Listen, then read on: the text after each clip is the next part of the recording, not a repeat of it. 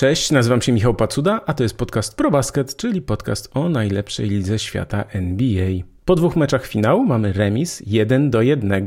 O ile wynik pierwszego spotkania nikogo nie zaskoczył, o tyle drugi myślę, że dla wielu osób może być zaskoczeniem, bo jednak to Miami Heat wygrali w Denver na terenie, w którym, no, na którym łatwo się nie wygrywa. Teraz przenosimy się na Florydę, gdzie dwa spotkania rozegrane zostaną w Miami, ale mamy jeden do jednego. Ja postaram się opowiedzieć trochę o meczu numer dwa, bo tam sporo różnych ciekawych rzeczy się zadziało. Też Trochę zastanowię się, jak to będzie w meczach 3-4, no bo Miami będą grali we własnej hali, więc zostańcie ze mną na ten finałowy podcast, finału NBA oczywiście, finałowy podcast ProBasket. Zapraszam. Dla formalności powiem o tym, co się wydarzyło w pierwszym spotkaniu, bo tam Denver Nuggets wygrali 104 do 93 no, przewaga była już zdecydowanie e, większa, e, nawet tam i po 20 punktów, bo hit e, tą czwartą kwartę wygrali 30 do 20, więc tę stratę zmniejszyli. Największe prowadzenie to było chyba 24, więc jakby Denver pewnie ten mecz wygrali. Nikolaj Jokic 27 punktów, 14 asyst, 10 zbiórek, Jamal Murray 26 punktów i 10 asyst, więc tutaj jakby w zespole Nuggets to, co miało zagrać, to zagrało, czyli kliknęło. Jokic dominował pod koszem, Jamal Murray trafiał z, no, z trudnych pozycji, chociaż też no, ta skuteczność 11 do, na 22 to może nie jest aż taka idealna, ale 50% było. Natomiast w zespole z Miami to, co nie, nie kliknęło, to przede wszystkim rzuty z dystansu, no bo Miami Heat wiemy, że mocno, bardzo mocno bazują na rzutach z dystansu. I tę statystykę 13 na 39, 33% to w zasadzie ratuje Gabe Vincent i Kyle Laury, y, bo oni trafili połowy swoich rzutów, natomiast no, warto odnotować, że Max Strus miał 0 na 9, ale zaraz do tego y, dojdę, jak rozpoczął y, drugie spotkanie, to, to za sekundę. I tylko dla formalności nie był to dobry mecz Jimmy'ego Butlera, 6 na 14 z gry, minus 17, kiedy on był na boisku. Jimmy Butler w ogóle nie atakował kosza, nie wchodził w strefę podkoszową, nie wymusił ani jednego rzutu wolnego, więc to nie był ten Jimmy Butler, którego znamy z tych wcześniejszych spotkań. To cały czas mówię o mecz numer jeden i zaraz kończę, bo wiem, że już mecz numer jeden jest prehistorią, bo za nami mecz numer dwa, więc za chwilę do niego przejdę. Ale to jest ważna rzecz, bo to, co zmienili, bardzo ważne już jakby od ustawienia samego Miami Heat, dlatego że oni wyszli z Caleb Martin, Jimmy Butler, Max Strus, Gabe Vincent, a więc oni wyszli na czterech niskich w zasadzie zawodników i Bama Debajo na centrze to mówię oczywiście o meczu numer jeden. Natomiast w meczu numer dwa mm, doszło do zmiany i Kevin Love wyszedł na pozycji numer 4, co pozwoliło, żeby Jimmy Butler krył Jamala Mareya w tym drugim e, spotkaniu od początku. I to już zupełnie zupełnie inaczej e, wyszło, bo to była pierwsza taka zmiana trenera z Polstry, czyli zmiana taktyczna. To y, dało sporo, bo tak jak powiedziałem, właśnie Butler y, mógł kryć y, Mareja, nie było tam takich dużych, pro, znaczy problemu z tym, że no, bo Porter Jr., Gordon, Jokic to są goście, którzy mają no nie wiem, po co najmniej 20 albo prawie. I właśnie no, ta przewaga wzrostu była dosyć wyraźna w tym pierwszym spotkaniu, natomiast w tym drugim wyjście w pierwszej piątce Kevina Lowa troszkę nam tutaj właśnie pozmieniało, też dzięki temu Miami Heat dobrze rozpoczęli to spotkanie i właśnie y, rozpoczęli to spotkanie od tego, że Max Strus y, trafił na początku w pierwszej kwarcie, jeśli nie mylę, trzy trójki. Heat rozpoczęli 21 do 10. Potem Denver wrócili. W drugiej kwarcie Denver uzyskali przewagę i już prowadzili 50 do 35, więc już mieli 15 punktów przewagi, ale tylko 6 do przerwy, bo hit tę przewagę zmniejszyli. No i znów doszło do takiej sytuacji, że Czwarta kwarta, znów Miami Heat wygrali spotkanie, w którym przegrywali po czterech kwartach, w którym przegrywali już kilkunastoma punktami w ogóle w, w jakimś fragmencie spotkania, dlatego że posłuchajcie, Heat byli minus 5 na początku czwartej kwarty, a zaczęli ją chyba od 13 do 0. Tam Duncan Robinson tu trafił trójkę, tu wszedł pod kosz. Naprawdę niesamowite, niesamowita pewność siebie tego gracza. Na 5 minut przed końcem hit prowadzili już 11 punktami, bo było 104 do 93, ale Denver znów wrócili. Wrócili na 108-111, czyli przegrywali trzema punktami. W ostatniej akcji Miami Butler nie trafił za 3 i Denver Nuggets mieli 12 sekund na rozegranie akcji. Nie zdecydowali się na czas, czyli trener Michael Malone, nie Mike Malone, tylko Michael Malone, tak wszyscy podkreślają, bo tak chcę, żeby go nazywać. Nie wziął czasu, tylko pozwolił rozegrać tę akcję, no po prostu z, z marszu, jak to się mówi. Więc Jamal Murray miał piłkę w rękach, dostał zasłonę od Jokicia, tam poszło przekazanie. Wcale nie wiem, czy nie lepsze, w sensie, bo nagle Butler był przy, przy Mareju, a Jokic miał Vince, Gabe'a Vincenta niższego od siebie, więc nie wiem, czy nie było warto podać tam właśnie do, do Jokicza na trójkę. W każdym razie Marej nie trafił rzutu za trzy punkty na, na remis. Ten rzut nie był może łatwy, bo jednak tam był step back i gdzieś ta e, ręka obrońcy była, natomiast nie był to też jakiś, nie wiem, kuriozalny rzut. Inaczej powiem takie rzuty Marej zdarza mu się trafiać Zdarzyło mu się trafiać wielokrotnie w tym sezonie, więc to nie jest tak, że to był jakiś arcy trudny rzut. Więc e, zakończyło się to spotkanie wynikiem 108 Denver, 111 Miami. Nikola Jokic to jest kolejna różnica w stosunku do tego, co się działo w pierwszym meczu, dlatego że Miami Heat postanowili dać Jokiciowi rzucać jak najwięcej, to znaczy nie podwajać, żeby on nie miał asyst i to jest ciekawe, bo to przyniosło efekt, zresztą słyszałem wiele też takich opinii o tym, żeby dać Jokiciowi grać. Zresztą z Phoenix chyba tak było. Nie wiem, czy dobrze y, pamiętam, że y, on zrzucał tam nawet i po 50 punktów, a oni tak przegrywali, bo jest taka taktyka, zwłaszcza w przypadku centrów, no bo oni częściej rzucają spod kosza. Jokic trafił dwie trójki w tym spotkaniu. W każdym razie miał 16 na 28 z gry, 11 zbiórek, ale miał tylko 4 asysty i 5 strat. Dlatego, że pięć strat, te, te, straty wynikały często właśnie z tego, że on chciał gdzieś podać, chciał komuś, chciał zagrać, chciał zagrać tak jak on, tak? Czyli, że jest tym centrem, zrobi trzy pivoty, jest podwojenie, potrojenie i on wtedy dodaje na czystą pozycję. Natomiast tutaj taktyka była taka, żeby go jednak nie podwajać, żeby odcinać pozostałych y, kolegów z drużyny. No i to przyniosło taki efekt, że 41 punktów co prawda Jokic rzucił, ale z nim na parkiecie Denver byli minus 11. I co? I Miami y, wygrało, bo też y, to warto zwrócić na to uwagę. W obronie Denver Nuggets mieli ogromne problemy. Poza tym, że nie wiem, Michael Porter Jr. 2 na 8 z gry i minus 15, kiedy był na boisku, to na przykład Kentavious Caldwell Pope dwa razy faulował zawodników Miami przy rzutach za 3 punkty, co jest no, faul przy trójce to już jest kryminał, a dwa razy to, to już jest po prostu głupota.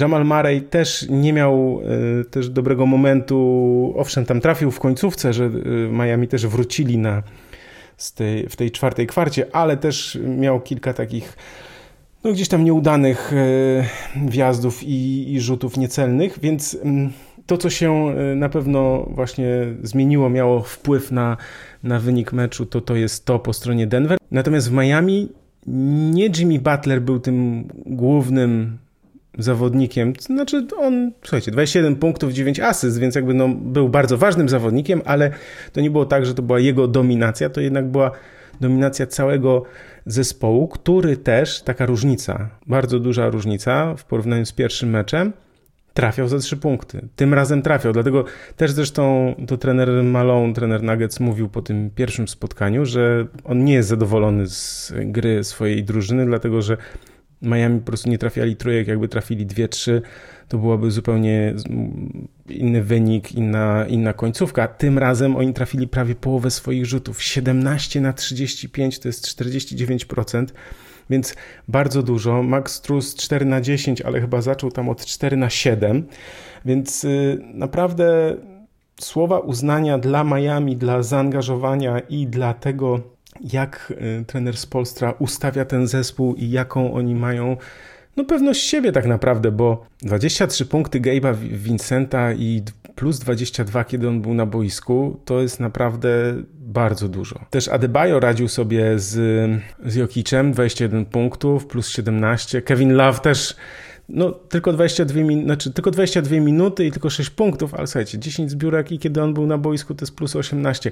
Tam też ciekawa jest statystyka czwartej kwarty, bo oni właśnie weszli bardzo mocno w tą, e, w tą, czwartą, w tę czwartą kwartę. Tam e, nawet y, trener z kilku zawodników w ogóle zrezygnował, kogoś wpuścił w końcówce. Trener z Polstra poukładał to bardzo dobrze, natomiast no znów to są te trójki, tak? Czyli tak jak wiemy, że trójka bywa zdradziecka i można tak samo wygrać, jak i, i przegrać, to Miami Heat w tym spotkaniu no, bardzo dużo zyskało na tym, że, że te trójki trafiali i w tym pierwszym spotkaniu po prostu też gdzieś tam z, zabrakło skuteczności, bo były pozycje, były czyste pozycje do rzutów. Natomiast no, wtedy nie wpadało, a teraz wpadało.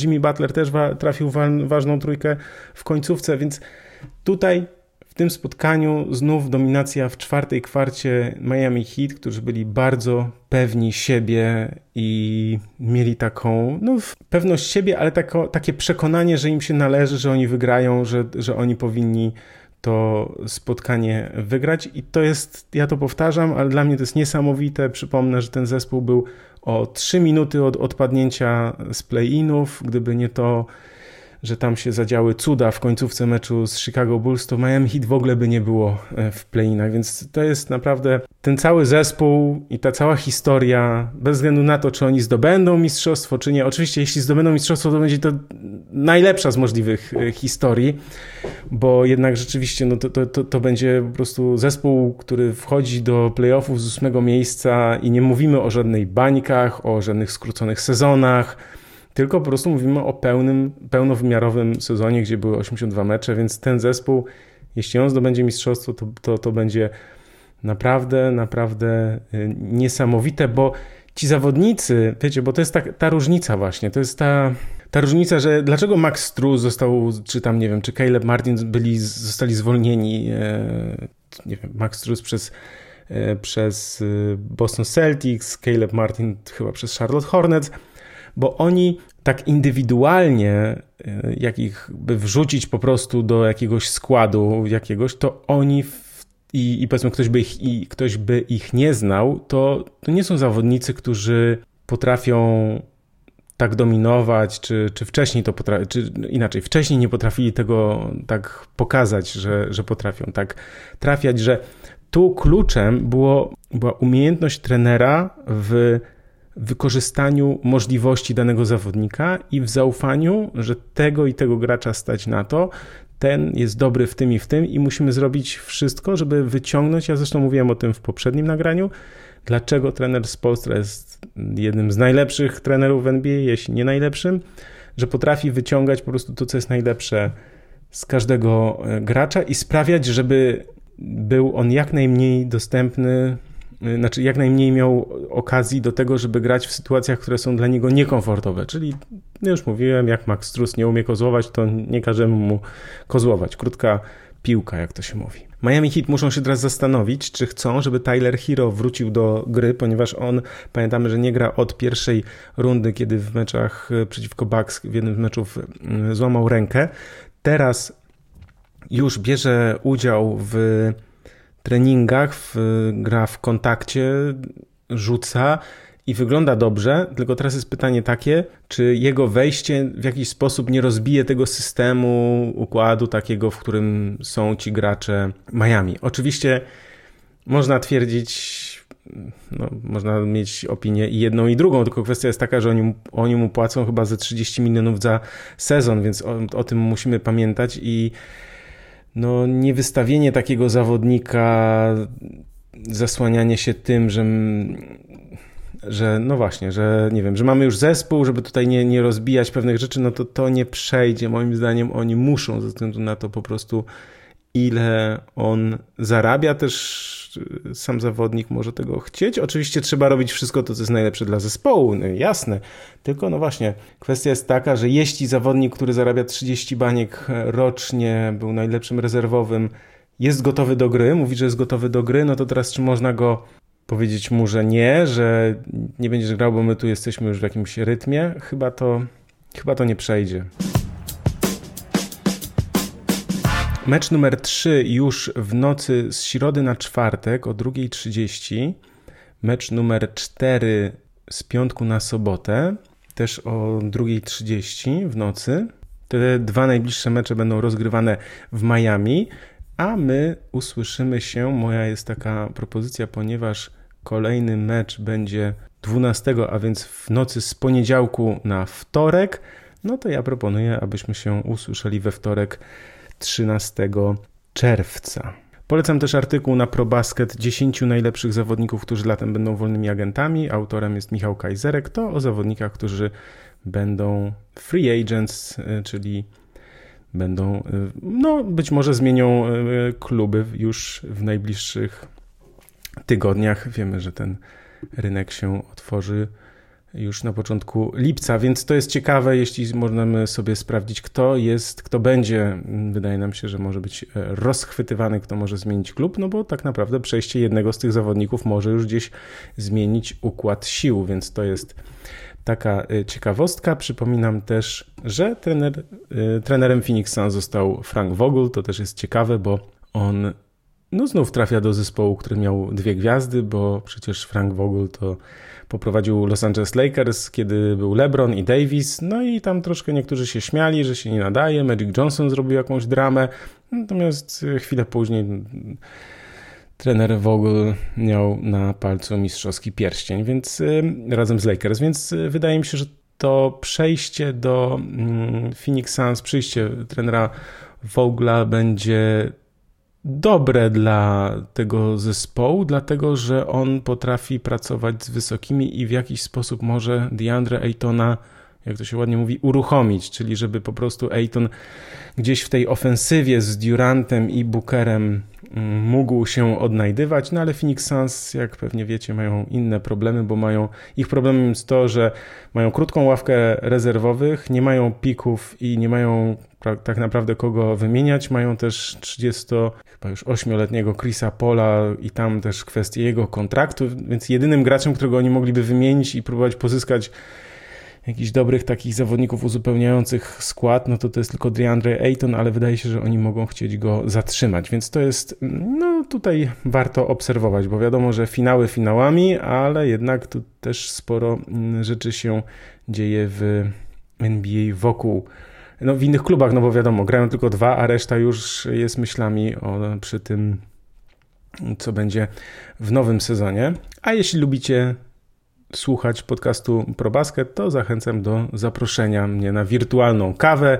Wspieraj twórczość i kup kawę dla ProBasket, tak się to ładnie nazywa. Mm, to jest po prostu taka forma przekazania darowizny, jeśli ktoś by chciał. A jeśli ktoś wybiera się na wakacje już niedługo i szuka hotelu, zarówno w Polsce, jak i za granicą, to ja mam do polecenia dwie, dwa miejsca, dwa portale, które no mają takie bardzo, bardzo, bardzo dobre y, ceny promocyjne, dlatego że no, tak właśnie funkcjonują. Nazywają się Triverna oraz y, Travelist. Wrzucam w opisie linki, to są linki tak zwane trakujące, czyli po prostu jeśli skorzystacie z nich, to ja też na z tego skorzystam, ale to jest ważne, bo ja to reklamuję nie bez powodu, to znaczy to nie jest wzięta reklama taka po prostu dajcie coś, to ja zareklamuję. Ja naprawdę korzystałem mm, z tych takich właśnie portali, gdzie są te oferty wielokrotnie. Na Traveliście to powinienem mieć już naprawdę chyba jakąś złotą kartę, bo przez te ostatnie 10 lat wielokrotnie korzystałem i to naprawdę jest bardzo, bardzo korzystne. To znaczy, to nie jest żadna ściema, że wiem, nagle cena jest zawyżona i pokazany jest duży rabat i tak dalej. Nie, naprawdę w porównaniu do takich cen, jak się porówna, sprawdzi cen z ulicy, nazwijmy to, jak się wejdzie na stronę takiego hotelu, to na, przeważnie na tej Trivernie i na Traveliście będzie będzie taniej, a zdarza się i tu warto poczekać, poszukać, jeśli ma się swój ulubiony hotel. Ja mam taki jeden, ale już nie będę zdradzał który, to naprawdę można znaleźć taką ofertę wakacyjną, czy nawet, czy, czy inną, bo teraz, ale teraz idą wakacje, że tam będzie rabat naprawdę gdzieś około 50%. Naprawdę duży, wysoki rabat, więc y, polecam sprawdzić po prostu. W opisie wrzucam linki. Kliknijcie, sprawdźcie, porównajcie sobie, czy w Polsce, czy za granicą też są różne te hotele i naprawdę zachęcam do sprawdzenia, porównania, bo, bo można się mile zaskoczyć po prostu. I to by było na tyle. Kończę ten szybki, krótki podcast ProBasket o finale NBA. Tak w skrócie po prostu o tym, co się e, działo w pierwszym meczu, to już w ogóle taki super ekspres, ale o tym, co się działo w drugim meczu, to też myślę, że dość krótko i zwięźle. Słyszymy się za tydzień, to znaczy e, we wtorek wieczorem. Postaram się opublikować nowe nagranie, natomiast będą no, po kolejnych dwóch meczach, więc na pewno nie będzie to, nie będziemy ogłaszać mistrza, dlatego że no, może być albo 3-1 dla jednego z zespołów, albo może być 2-2, więc na pewno nie będzie dla nikogo czwóreczki z przodu, więc jeszcze nie poznamy mistrza, więc y, będzie myślę, że y, ciekawie. Zachęcam oczywiście do y, komentowania, do łapek w górę, do lajków i tak dalej. Zostawcie komentarz, jeśli chcecie też, żebyśmy, żebym ja o czymś coś opowiedział, to zachęcam do kontaktu redakcja małpa probasket.pl. Dziękuję za uwagę. To był taki szybki podcast ProBasket, ale następny myślę, że będzie dłuższy. Dzięki, pozdrawiam, cześć.